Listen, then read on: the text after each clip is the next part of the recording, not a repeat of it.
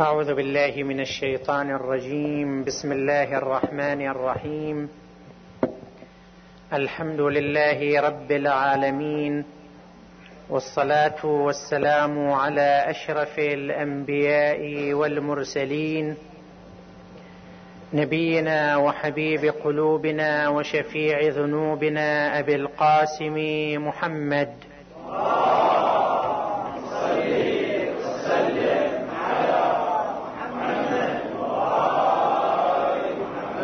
صلى الله عليه وعلى آله الطيبين الطاهرين المعصومين.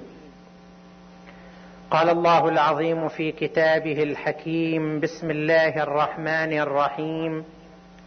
وتعاونوا على البر والتقوى ولا تعاونوا على الإثم والعدوان. صدق الله العلي العظيم. عطروا مجالسكم بالصلاة على محمد وآل محمد.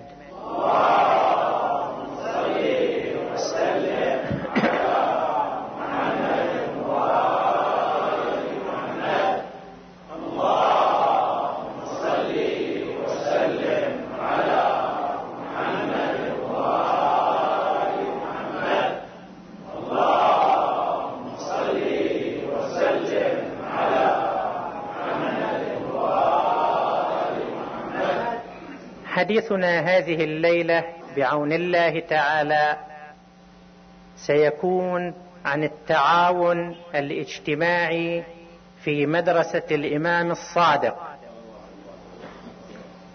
يقول الإمام جعفر الصادق صلوات الله وسلامه عليه في توصية يوجهها إلى أتباعه والمؤمنين به. يقول عليه السلام تنافسوا في المعروف لإخوانكم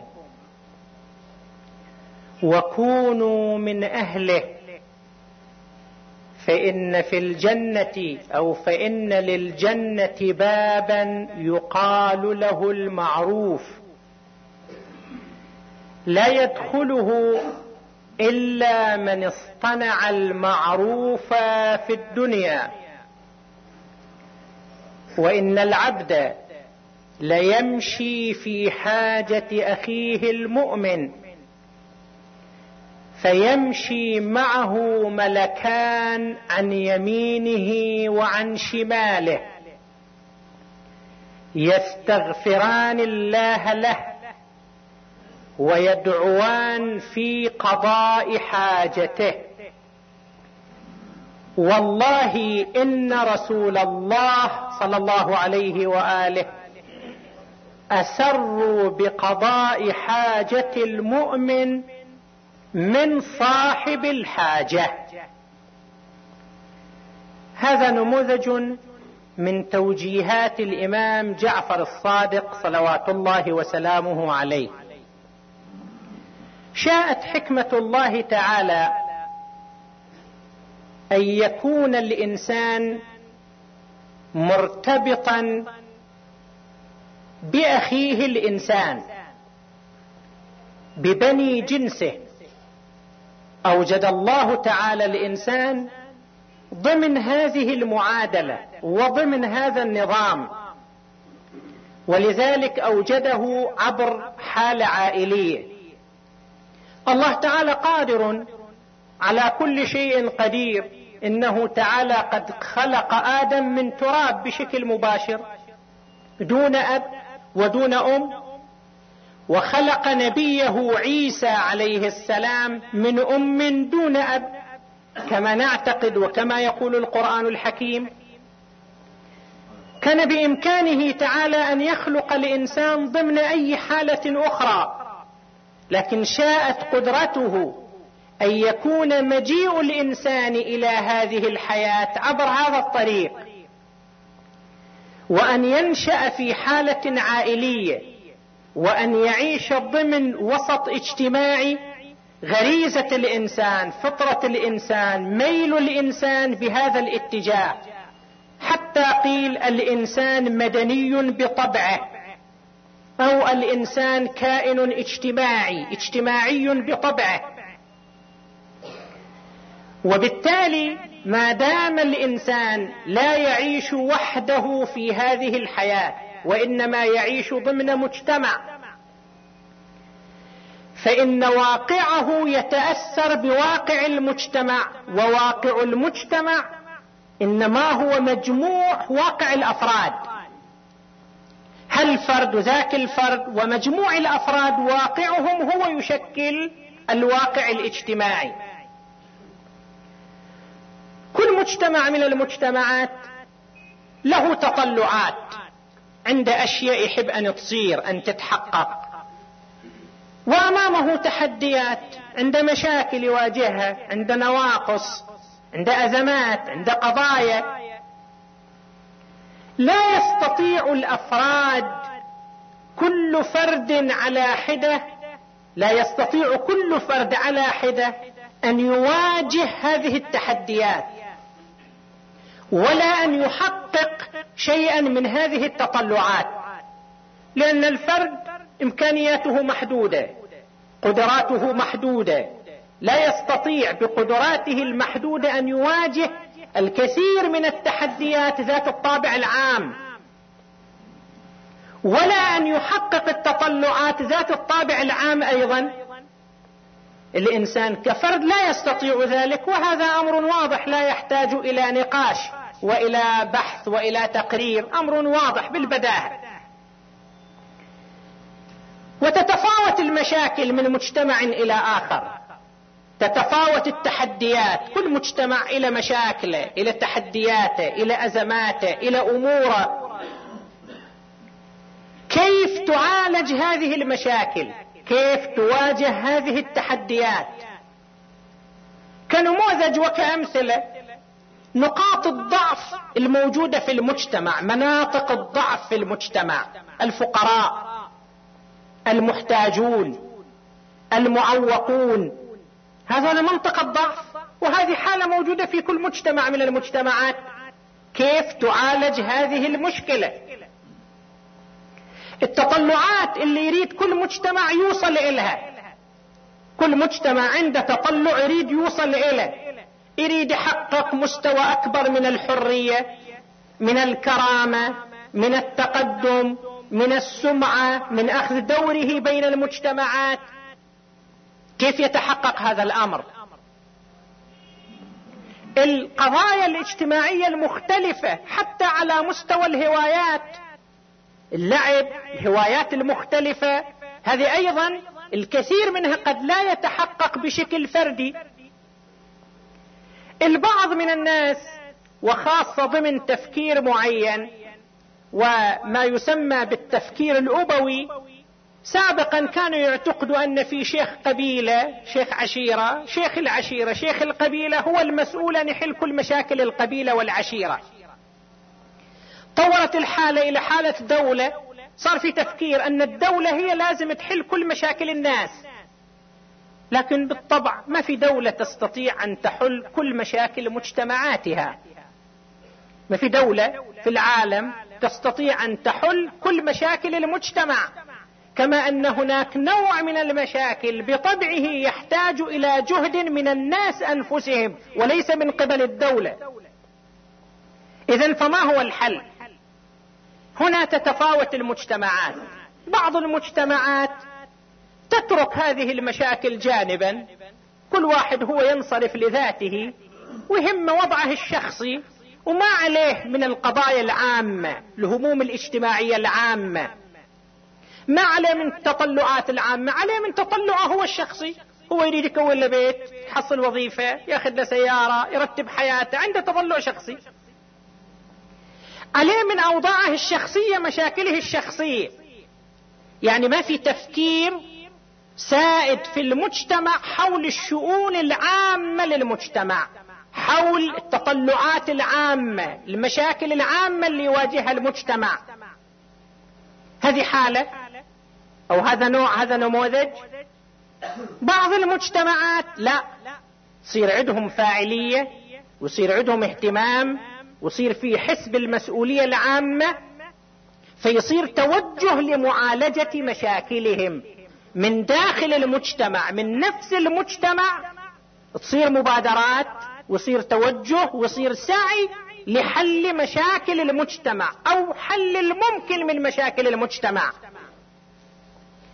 إحنا إذا قرأنا التعاليم الإسلامية نرى أن الإسلام يريد أن يبني مجتمعا من هذا القبيل. الدولة أو الحكومة في نظر الإسلام ليست بديلا عن الناس ليست بديلا عن الأمة. تقوم بدور التوجيه تقوم بدور التنسيق تقوم بدور الإشراف. لكنها لا تلغي الأمة ليست بديلا عن الأمة. الأمة لازم يكون عندها ديناميكيتها الذاتية ولازم يكون عندها فاعليتها ونشاطها الذاتي الداخلي. وهذا يصنعه الإسلام في المجتمع عبر عدة توجهات وتوجيهات. اولا بس روح الشعور بالمسؤولية في أوساط المجتمع. أن المسؤولية المجتمع تقع على عاتق كل أبناء المجتمع. كلكم راع وكلكم مسؤول عن رعيته. من أصبح ولم يهتم بأمور المسلمين فليس بمسلم. أنت مسؤول. والخطابات التي يوجهها القرآن الحكيم عادة تكون للأمة للناس للمؤمنين. يا أيها الذين آمنوا يا أيها الناس يا بني آدم. ما في خطاب موجه إلى شريحة معينة إلى فئة معينة. بس روح المسؤولية. وأن أي مشكلة تصير في المجتمع كل أبناء المجتمع يتحملون مسؤولية تلك المشكلة. ولذلك عندنا في الإسلام منطق الواجبات الكفائية. أكو واجب عيني على كل فرد وأكو واجبات كفائية يعني مخاطب بها المجتمع ككل. إن قام بها البعض أديت على وجهها الصحيح سقط التكليف عن الجميع والا فالجميع مأثومون ومطالبون أمام الله سبحانه وتعالى. ولذلك في يوم القيامة النواقص والمشاكل اللي موجودة في المجتمع كل أبناء المجتمع كل المجتمع يحاسبهم الله تعالى عنها يوم القيامة. الرواية المشهورة المعروفة أن الله تعالى أوحى إلى نبيه شعيب إني معذب من قومك مائة ألف أربعين ألف من شرارهم وستين ألف من خيارهم. قال يا رب هؤلاء الأشرار فما ذنب الأخيار؟ قال لأنهم داهنوا أهل المعاصي ولم يغضبوا لغضبي. يعني المسؤولية لما تظهر المعاصي لما يصير فساد في المجتمع المسؤولية تكون على الجميع. وجود الفقراء والمحتاجين في المجتمع المسؤولية على الجميع. حينما يكون في المجتمع فقراء حينما يكون في المجتمع محتاجون كل المجتمع محاسب أمام الله سبحانه وتعالى. الله سبحانه وتعالى يعتبر هذا المجتمع غير متدين غير مؤمن بالرسالة. يعتبر تدين تدين مزيف كاذب. أرأيت الذي يكذب بالدين؟ فذلك الذي يدعو اليتيم ولا يحض على طعام المسكين. كل الناس يتحملوا المسؤولية. فاذا هذه مسألة أساسية في الإسلام أن مسؤولية وضع المجتمع. إذا مجتمع يقع عليه ظلم يقع عليه قهر اعتداء على حقوقه مسؤولية رفع هذا الظلم رفع هذا القهر رفع هذا الاعتداء مسؤولية الجميع. ليست مسؤولية فئة بعينها. ممكن في تفاوت في المستوى إن الله يحاسب الناس على قدر عقولهم وعلى تفاوت الإمكانيات. كل ما كان الإنسان أوعى مسؤوليته أكبر. كل ما كانت إمكانياته أكبر كانت مسؤوليته أكبر. هذا صحيح لكن بشكل عام المسؤولية عامة على الجميع ومسؤول عنها الجميع. هذا اولا. ثانيا الإسلام يركز ويؤكد على أهمية العمل الجمعي في مقابل الحالة الفردية. كم من الآيات والنصوص والروايات التي تشجع وتحفز وتأمر الناس المسلمين بأن يتعاونوا فيما بينهم على أعمال الخير؟ مو كل واحد وحده هو يسوي عمل الخير يتعاونوا الآية الكريمة التي تشرفنا بتلاوتها وتعاونوا على البر والتقوى. تعاونوا. ما قال أنتوا سووا كل واحد خليه يسوي بنفسه بر وتقوى. لا تعاونوا. يعني المقصود منه البر والتقوى الناتج عن تعاون جمعي. تعاونوا على البر والتقوى. وحتى العبادات. شوفوا العبادات الدينية كتدريب وكتهيئة وكتوجيه للإنسان أيضا. العبادات الله سبحانه وتعالى يريد أن تؤدى بشكل جمعي في بعض العبادات. حتما تؤدى بشكل جمعي وبعض العبادات يفضل فيها أن تؤدى بشكل جمعي. صلاة. واجب على كل إنسان يصلي ويقدر يصلي في بيته تكفي صلاته في بيته. لكن الأفضل أن تكون صلاته جماعة. ليش يصلي جماعة؟ وأنا أصلي في بيتي أريح لي؟ لا صلي جماعة. وهناك مسافة كبيرة بين ثواب الصلاة فرادى وثواب الصلاة في الجماعة. ليش؟ هذا تحفيز على العمل الجمعي. في الحديث عن رسول الله صلى الله عليه وآله قال هبط علي حبيبي جبرائيل عليه السلام قال يا محمد صلى الله عليك وآلك يا محمد أتدري ما لأمتك من فضل في صلاة الجماعة؟ قلت ماذا؟ قال إن كانوا اثنين ليصلوا جماعة صلاة الجماعة إذا بس اثنين كان لكل واحد منهما بكل ركعة ثواب مائة وخمسين صلاة. فإن كانوا ثلاثة كان لكل واحد بكل ركعة ثواب ثلاثمائة صلاة. فإن كانوا أربعة كان لكل واحد منهم بكل ركعة ستمائة ثواب ستمائة صلاة. وهكذا إلى أن قال فإن كانوا عشرة فوالله لو كانت الملائكة كتابا والبحار مدادا والأشجار أقلاما لما أحصوا ما للواحد منهم من ثواب للركعة الواحدة. ليش؟ ليش هالثواب لصلاة الجماعة؟ مع أن الإنسان يستطيع أنت تصلي في بيتكم وصلاة أطول. تقدر تصلي صلاة أطول في بيتكم من أن تصلي جماعة في المسجد. لا صلاة الجماعة أفضل. الصلاة في أول الوقت فضلها كبير لكن من أجل الجماعة تأخرها أحسن. بدل ما تصلي مفرد أول الوقت حتى لو تتأخر من أجل أن تصلي جماعة يصير الصلاة أفضل.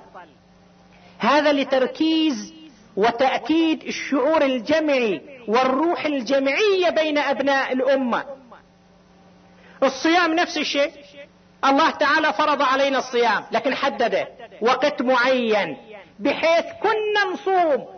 أما لو الله فرض علينا كل واحد يصوم ثلاثين يوم على هواه أي شهر يختار أي وقت يختار. لا صيام محدد في وقت معين وكل أبناء الأمة يصومون معا. روح جمعية تكون. الحج الحج. كل أبناء الأمة الذين يوفقون للحج من مختلف البقاع والأصقاع والبلدان والقوميات والأعراق. كلهم يجتمعون في مكان واحد في زمان واحد بزي موحد وكلهم يهتفون لبيك اللهم لبيك. هذه العبادات تريد تكرس وتركز هذه الروح بين أبناء المجتمع. المجتمعات كلما كانت أكثر وعيا وأكثر تقدما كلما كانت المؤسسات الاجتماعية والأعمال الاجتماعية فيها أكثر وأكبر وأنجح. إحنا نشوف الآن في البلدان الغربية كيف حتى الأعمال اللي إحنا نعتبرها تافهة اللي إحنا نعتبرها بسيطة بعضها إحنا نضحك منها لكن مسوي لها جمعيات. مو بس على مستويات محلية على مستويات عالمية ودولية. سامعين يمكن عن مؤتمر الدفاع عن حقوق المدخنين في مقابل الكلام ضد التدخين والقوانين اللي تصدر متشكل مؤتمر وإلى سكرتارية وإلهم إعلامهم الخاص. إيه، طبعا أنا ما ايد التدخين هذه حالة مزاج شخصي لكل إنسان. لكن الكلام إنه حتى هذه القضية صاير مؤتمر سكرتارية إله وعمل إله واجتماعات إله وآخر مؤتمر عقد حضره ستون وفد من ستين دولة. ويتناقشوا ويتباحثوا. أخيرا هم أعلن قريت في سنة 94 الإعداد لمؤتمر دولي للسحرة. اللي يمارسوا السحر والشعوذة. بيسووا لهم مؤتمر في بيرو. ومقررين مكانه وإلى ميزانية. سحرة على مستوى العالم من كل البلدان. يجتمعوا ويتعاونوا فيما بيناتهم. كل الأعمال الآن العصابات التي تمارس الفساد على مستوى الأرض هم بيناتهم تنسيق المافيا مال المخدرات عصابات المخدرات تصوروا ما بيناتهم؟ تعاون وتنسيق بينهم تعاون وبينهم تنسيق دولي على مستوى العالم. المجتمع اللي عنده وعي يدرك أهمية العمل الجمعي المؤسساتي. نحن في مجتمعنا الحمد لله الروح الدينية متوفرة في المجتمع ولله الحمد. الطيب متوفر في نفوس أبناء المجتمع. المجتمع كأي مجتمع آخر؟ عنده مشاكل. في مشاكل في قضايا في تطلعات. هذه المشاكل اللي إحنا نواجهها كمجتمع. كيف ينبغي أن تعالج؟ الشيء السائد في كثير من المشاكل والقضايا أن يكون حديث عن هذه المشاكل واجترار في الحديث عن هذه المشاكل في المجالس. كل مجلس تجلس شوف في حديث عن المشكلة الفلانية والمشكلة الكدائية فلان مشكلة موجودة فلان قضية موجودة. بس لو استمرينا مليون سنة نجتر آلامنا ونتحدث عن مشاكلنا تتغير تنحل تعالج. مجرد الاجترار ومجرد الحديث عن هذا ما يفيد. ينبغي أن يكون هناك نهضة واندفاع في مجتمعنا لتبني القضايا الموجودة في المجتمع ومحاولة معالجة هذه القضايا. التطلعات. الناس عندهم تطلعات. أشياء كثيرة يتمنوا الناس أن تصير لهم أن تحصل لهم في مجتمعنا. لكن كيف تتحقق هذه التطلعات؟ بالتمني تمني ما يحل المشكلة. باجترار الحديث عن المشكلة هذا ما يحل المشكلة أيضا.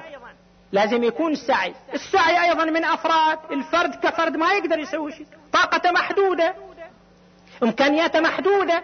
لازم يصير سعي جمعي. عمل جمعي. مؤسسات جمعية.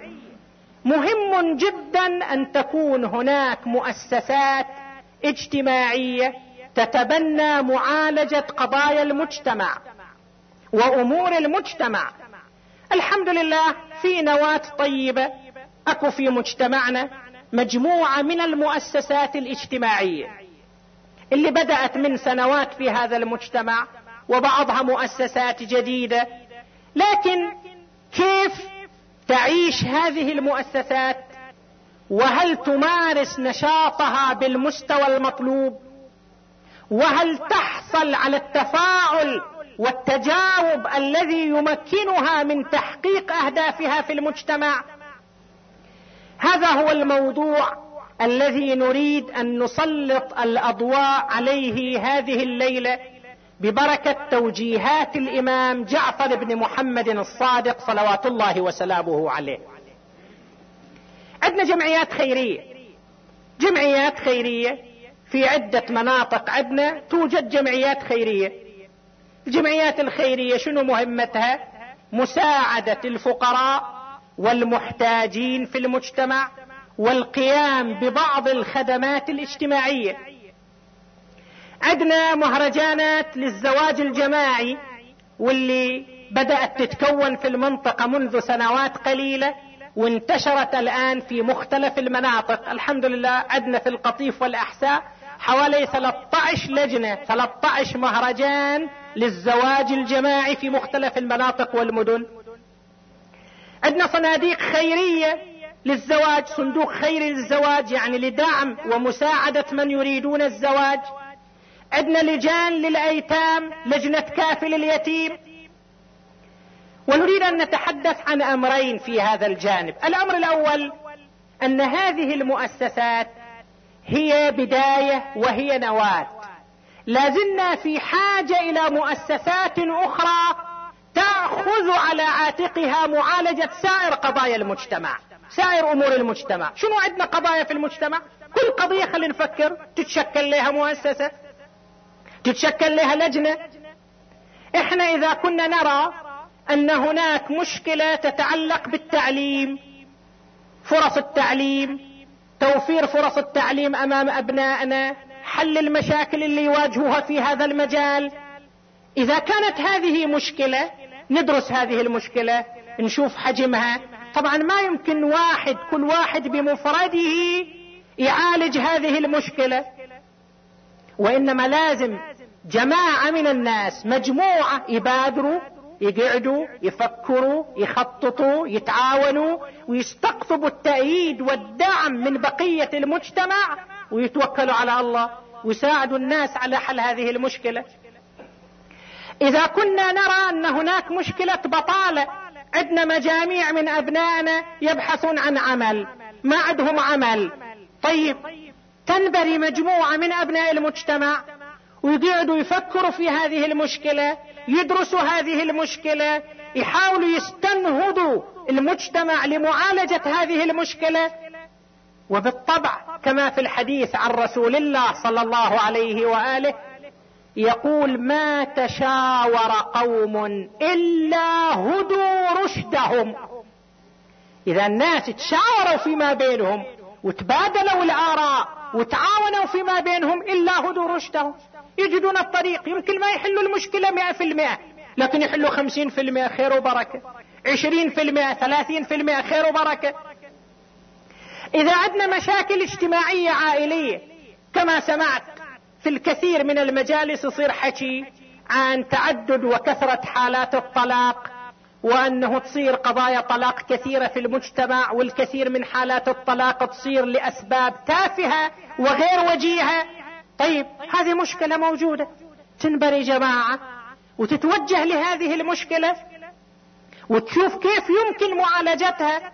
وهذا هو الطريق الذي تسلكه كل المجتمعات الأخرى. كل المجتمعات الأخرى من تواجه مشكلة يقعدوا الواعون من المجتمع العقلاء من المجتمع المبادرون من المجتمع يفكروا شلون يحلوا تلك المشكلة في المجتمع. وهكذا سائر المشاكل. لا نريد الاسترسال في فهرسة المشاكل لكن هذه كنماذج. فنحن نحتاج إلى المزيد من المؤسسات. نحتاج إلى المزيد من التجمعات اللي تحمل على عاتقها معالجة قضايا المجتمع ومشاكل المجتمع. هذا اولا. ثانيا هل مجتمع هل المؤسسات الموجودة ينبغي أن تقوى أن يكون التفاف المجتمع حولها أكبر. تعاون الناس معها أكثر. كل المؤسسات الاجتماعية اللي موجودة في بلدنا كما التقيت بالكثير من المسؤولين عنها يشكون من ضعف التجاوب يشكون من ضعف التعاون والتفاعل الاجتماعي مع هذه المؤسسات. طبعا في أسباب. لا بأس أن نسلط الضوء على هذه الأسباب.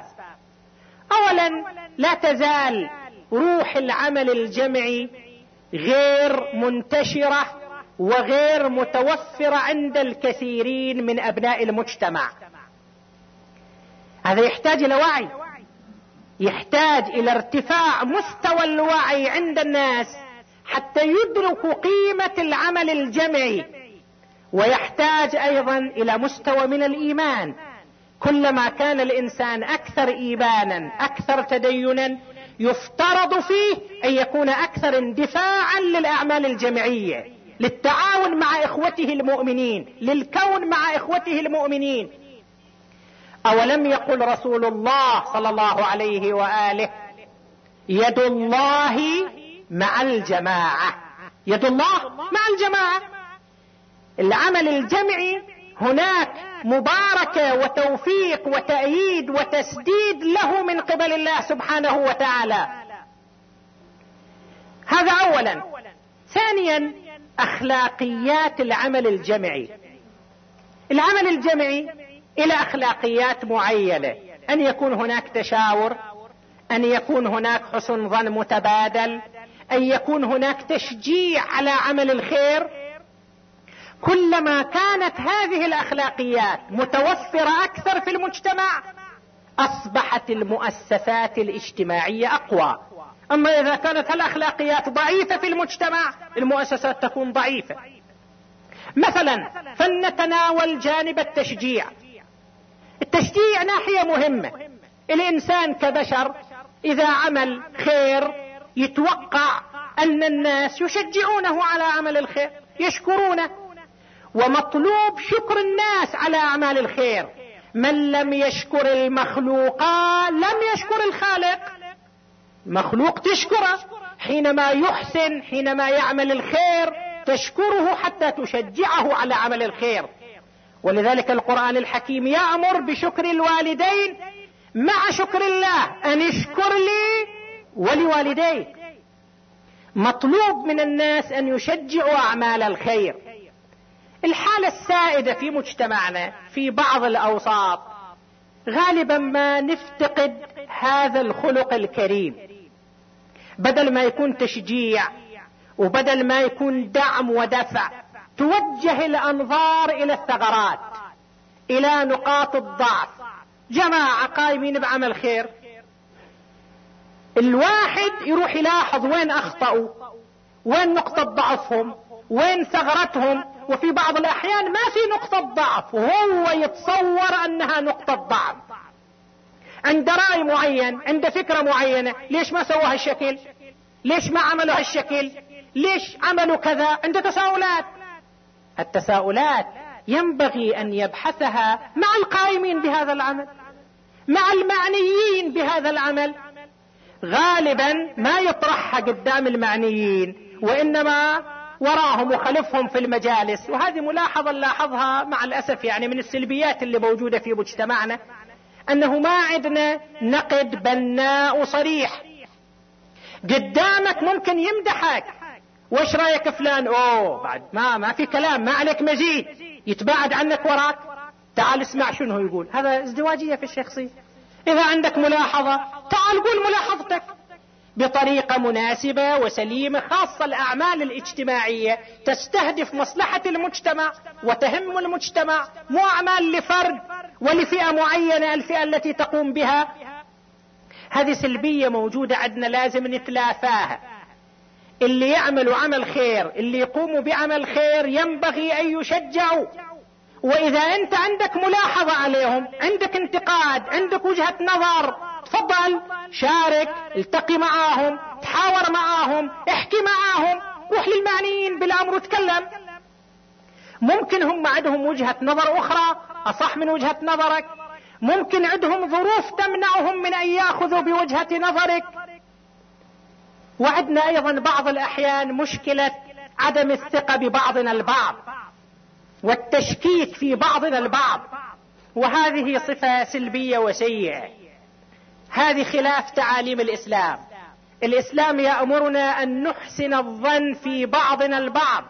احمل عمل أخيك المسلم على سبعين محمل من الصحة. التمس لأخيك الأعذار والمعاذير. إحنا نشوف بالعكس الواحد منا تشوفه جريء وجزام ومسارع في اتهام نوايا إخوانه. سمو أعماله. ناس يسووا عمل هذول نيتهم مو لله. هذا اتهام للنوايا. انت شلون انت تحكم على نوايا الناس؟ لماذا تتهم نوايا الناس؟ هذه حالة سلبية. ينبغي أن تعالج وأن يتجاوزها المجتمع. إذا هذه الأخلاقيات عولجت صار في تشجيع على عمل الخير خاصة وأن أعمال الخير أعمال تطوعية. هذا اللي يصرف من وقته في الجمعية أو في مهرجان الزواج الجماعي أو في الصندوق الخيري. هذا لمصلحة المجتمع. ما عنده مكسب هو شخصي. إذا زيادة على ذلك يحصل كلام ويحصل أيضا طعن ويحصل تشكيك في نواياه ما الذي يجعله يستمر في هذا العمل؟ وما الذي يشجع الآخرين أيضا أن ياتوا معه إلى هذا العمل؟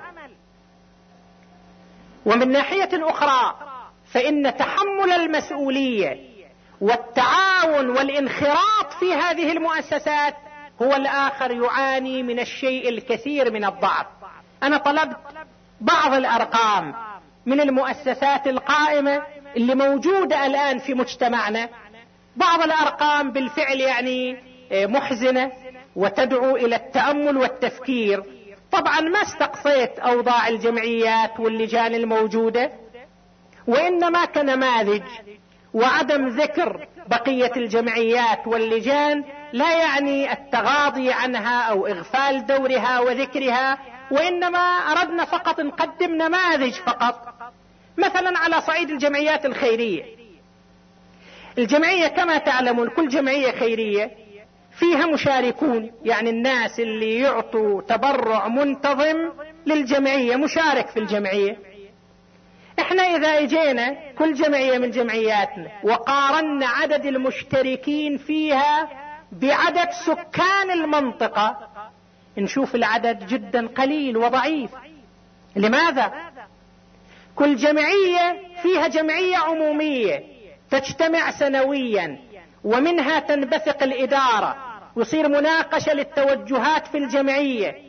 إذا إجينا شفنا أرقام اللي حضروا الجمعيات العمومية للجمعيات الخيرية في بلدنا أيضا نشوف الرقم جدا ضعيف ومنخفض. كل جمعية فيها إدارة. إذا قرأنا أسماء إدارات الجمعيات نشوف أعداد محدودة قياسا إلى أبناء المجتمع. وأقدم لكم هالإحصائية. مثلا عندنا جمعية القطيف الخيرية للخدمات الاجتماعية. هذه الجمعية تأسست من قبل 32 سنة من سنة 1383 ومسجلة برقم 13 في وزارة العمل والشؤون الاجتماعية. كم عدد المشتركين في جمعية القطيف الخيرية؟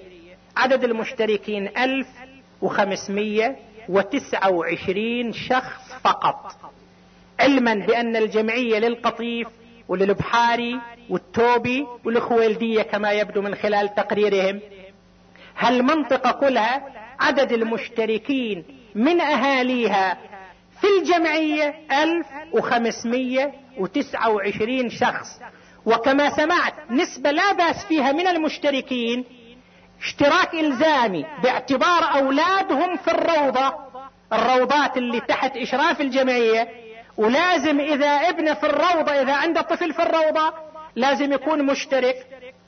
وتحصل بعض الحالات كما سمعت من العاملين في الجمعية إذا نص السنة شال ولده من الروضة في بعض الأحيان يطالب بنص الاشتراك اللي سلبه باعتبار هو علشان بس ابنه في الروضة. طيب 1529 مشترك. أنتوا كم تقدروا عدد سكان القطيف؟ القطيف القطيف مو يعني مع المدن والضواحي الأخرى. كم تقدروا عدد السكان؟ ما أعتقد أقل من مئة ألف. ويقال أكثر ضمن تقديرات وزارة التخطيط أن عدد سكان القطيف 259 ألف شخص. طبعا هذا مع المناطق المحيطة بها مو المدن الكبرى لا. المناطق القرى المحيطة بها ما علينا من الإحصاءات بس مو أقل من مئة ألف في القطيف. بينما المشتركون ألف وخمسمية وتسعة وعشرين شخص. ناخذ نموذج آخر جمعية سيهات. وهي الجمعية الأولى في المنطقة الشرقية. أول جمعية تأسست في المنطقة الشرقية جمعية سيهات للخدمات الاجتماعية. عمرها 33 سنة تأسست 1382 ومسجلة في الوزارة تحت رقم ستة. المشتركون في سيهات في الجمعية 1100 وثمانية وتسعين شخص. ألف ومئة وثمانية وتسعون شخص مشتركون في جمعية سيهات. طيب كم يقدر عدد سكان سيهات؟ يقدر عدد سكانهم بستين ألف نسمة والمشتركون ألف ومية وثمانية وتسعين. جمعية الصفا الخيرية في صفوة تأسست 1383 يعني في نفس السنة اللي تأسست فيها جمعية القطيف تحت رقم سبعة. المشتركون فيها رقم لا بأس به قياسا إلى ما ذكرنا المشتركون في صفوة في الجمعية ألفين وسبعمية وثمانية أشخاص. كم عدد سكان صفوة؟ حسب التقديرات بين أربعين إلى ستين ألف. عدد السكان في صفوة.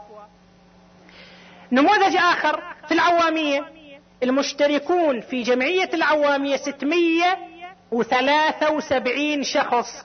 عدد السكان يقدرون أربعة عشر ألف شخص. طبعا واضح إذا قارنا بين عدد السكان وبين عدد المشتركين نشوف فيه هو واسعة في مسافة كبيرة جدا. ينبغي أن تردم هذه المسافة بالتجاوب الأكثر مع هذه الجمعيات. طيب الجمعية العمومية. الجمعية العمومية يتم فيها انتخاب الإدارة. المفروض الناس يجون إذا عندهم إشكال على الإدارة الموجودة في الجمعية يجتمعوا ويرشحوا ناس نفسهم وتتغير هالإدارة. يعني ما في إدارة مفروضة. بإمكان الناس اللي يجوا في الجمعية العمومية ضمن القوانين الموجودة للجمعيات أن يجوا يجتمعوا ويناقشوا ويعترضوا ويبينوا وجهات نظرهم وينتخبوا إدارة جديدة. لكن المؤسف أن الحضور مرة في السنة حسب الظاهر مرة في السنة تجتمع الجمعية العمومية. ساعتين ثلاث ساعات أقل أكثر فيه عزوف عن الحضور في الجمعيات العمومية. وبشكل جدا يؤسف له. مثلا القطيف. آخر اجتماع للجمعية العمومية. في الجمعية الخيرية في القطيف كان عدد الحضور ستين شخص فقط. ستين شخص فقط حضروا في الجمعية العمومية اللي هي لازم تنتخب إدارة واللي هي لازم تقر توجهات أعمال الجمعية وأنشطتها وين الناس وين أهل البلد وين المشتركين ليش ما يجوا يشاركوا؟ ساعة أو ساعتين يصرفها من عمرة في سبيل خدمة المجتمع مصلحة المجتمع. العوامية آخر اجتماع عندهم حضره 250 شخص. صفوة آخر اجتماع لجمعيتهم 220 شخص. سيهات آخر اجتماع للجمعية العمومية حضره 140 شخص. وطبعا كل هالأرقام رغم أن أكبر رقم هو في العوامية لكنها كلها أرقام. طبعا أكبر رقم من الأرقام اللي إحنا مسجليها. لعله في جمعيات أخرى إن شاء الله تكون الأرقام أكبر وأفضل. الإداريون. جمعية القطيف من تأسست إلى الآن 32 سنة اشتغلوا فيها في إدارتها 200 شخص. جمعية صفوة 150 شخص عملوا في إدارتها خلال هالمدة كلها. جمعية العوامية 60 شخص. جمعية سيهات 35 شخص خلال 33 سنة. يعني العبء كان كله على هال 35 شخص فقط. أما الإيرادات لهذه الجمعيات آخر رقم لإيرادات جمعية القطيف أربعة مليون وأربعة وثمانين ألف. هذا إيراد جمعية القطيف. صفوة أربعة مليون وخمسمية وتسعة وخمسين ألف. أكثر منا من القطيف ها. العوامية مليون وستمية وثلاثة وتسعين ألف. لكن الرقم الأكبر من نصيب جمعية سيهات. إيرادها السنة الماضية ثمانية مليون وخمسة وتسعين ألف ريال. طبعا لا أريد أن أسترسل أكثر في هذه الأرقام لكن ما أريد أن أقوله. أيها المؤمنون هذه الجمعيات هذه المؤسسات مؤسسات الزواج الجماعي كافل اليتيم الصناديق الخيرية هي لمصلحة المجتمع لخير المجتمع. إذا واحد عنده إشكال عنده وجهة نظر هو يجي يشارك ويطرح وجهة نظره. لعل وجهة نظره تحظى بالقبول. يروح للمعنيين يبدي وجهة نظره. ممكن انت عندك رأي وهم عندهم رأي آخر. اختلاف الرأي أو وجود وجهة نظر أو وجود إشكال لا يصح أن يمنع التجاوب مع هذه المؤسسات. ولا يجيز التثبيط ولا يجيز الطعن والتشهير وحتى من الحقوق الشرعية. لماذا لا يصرف قسط من الحقوق الشرعية لدعم هذه الجمعيات والمؤسسات؟ ويبدو أن البعض من علمائنا الأفاضل جزاهم الله خير يدعمون ويساعدون ويشاركون وإن كان الطموح إلى مشاركة أكبر وأعلى. إحنا نشوف علمانا في مختلف البلدان والبقاع مراجعنا وعلمانا كيف يدعمون المؤسسات الاجتماعية والخيرية بل ويؤسسونها. المرحوم السيد الخوي رحمة الله عليه أما أسس مؤسسة الإمام الخوئي في لندن مؤسسة تقوم بمختلف الأنشطة ومن جملة أنشطتها التعليم والتدريس والإعلام ومساعدة الفقراء. مؤسسة ضخمة لها ميزانيتها ولها إدارتها ولها أنشطتها في مختلف البقاع. من وين أسسها السيد؟ أليس من الحقوق الشرعية؟ من الأموال الشرعية. ومن التبرعات من تبرعات المحسنين. المرحوم المرجع الراحل السيد القلبايقاني رحمة الله عليه ألم يؤسس العديد من المؤسسات؟ أول مستشفى ضخم في مدينة قم المقدسة أسسه السيد القلبايقاني رحمة الله عليه. مستشفى لمعالجة الناس وخاصة الفقراء والمحتاجين وطلاب العلوم الدينية. وهكذا في لبنان علماؤنا عندهم مؤسسات للأيتام للمحتاجين للفقراء. أهم مصرف للحقوق الشرعية هو هذا المصرف. مساعدة المحتاجين للمجتمع الفقراء في المجتمع قضايا المجتمع. فالمفروض يكون توجه لهذا الأمر والمراجع ما عندهم مانع.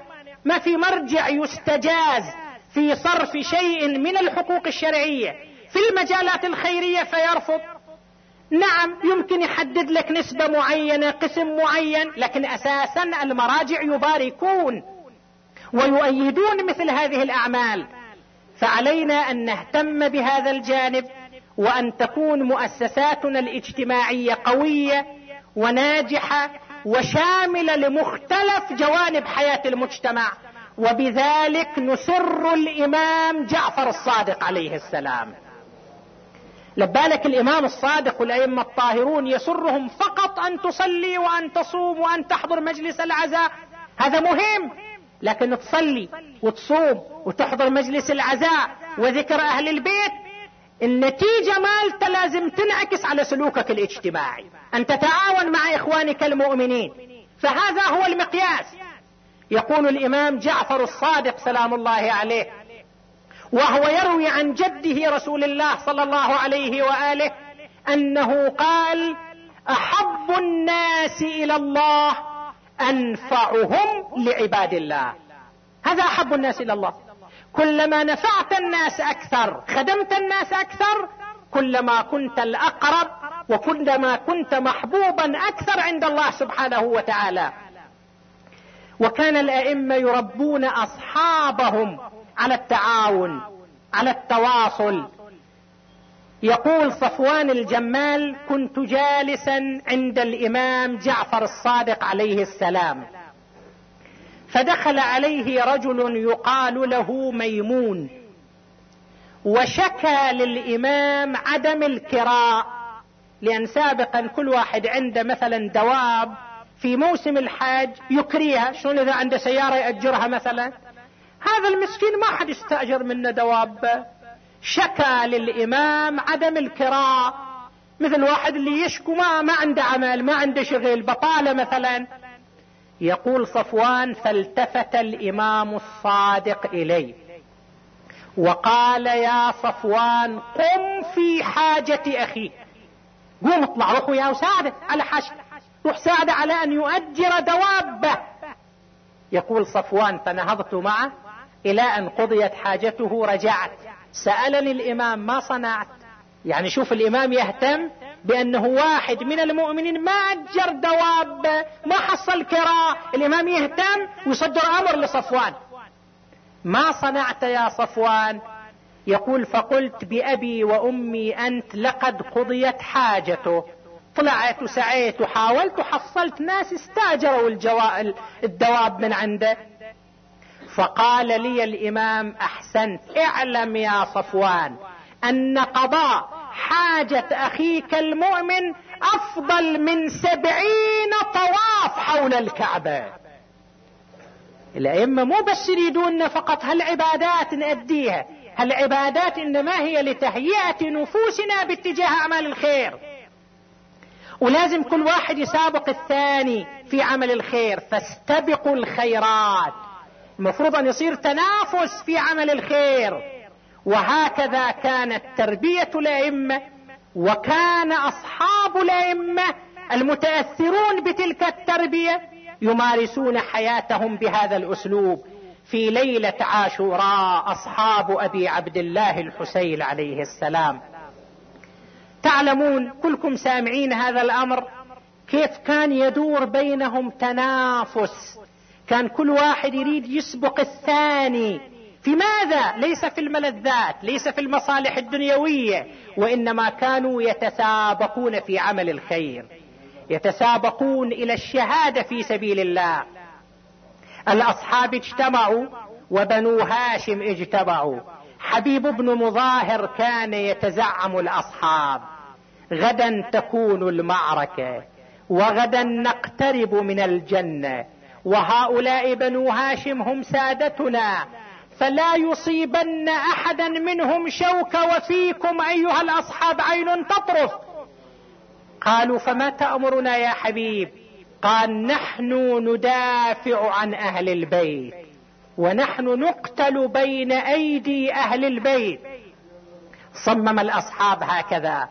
بنو هاشم أيضا كان عندهم اجتماع. بقيادة قمر بني هاشم أبي الفضل العباس. العباس يخطب في بني هاشم أن العبء إذا ثقل الحمل إذا ثقل ينهض به أهله. وإحنا بنو هاشم إحنا أهل حمل الرسالة وثقل الرسالة. فيجب أن ننهض بهذا العبء. ولازم نبيض الوجوه غدا. ما تأمرنا يا سيدنا يا أبا الفضل؟ قال نحن يجب أن نبدأ في الدفاع عن أبي عبد الله. هذول الأصحاب ضيوفنا. لازم ما نخلي يصيبهم أذى وإحنا موجودين. فصار تنافس. احتكم الطرفان للإمام الحسين عليه السلام. فأعطى الأرجحية للأصحاب فتسابقوا إلى المعركة دفاعا عن أهل البيت. كان الواحد يسبق الثاني. الواحد يشجع الثاني. حبيب يبتسم يضحك ليلة العاشر من المحرم. ينظر إليه أحد الأصحاب أهذه ساعة ضحك يا حبيب؟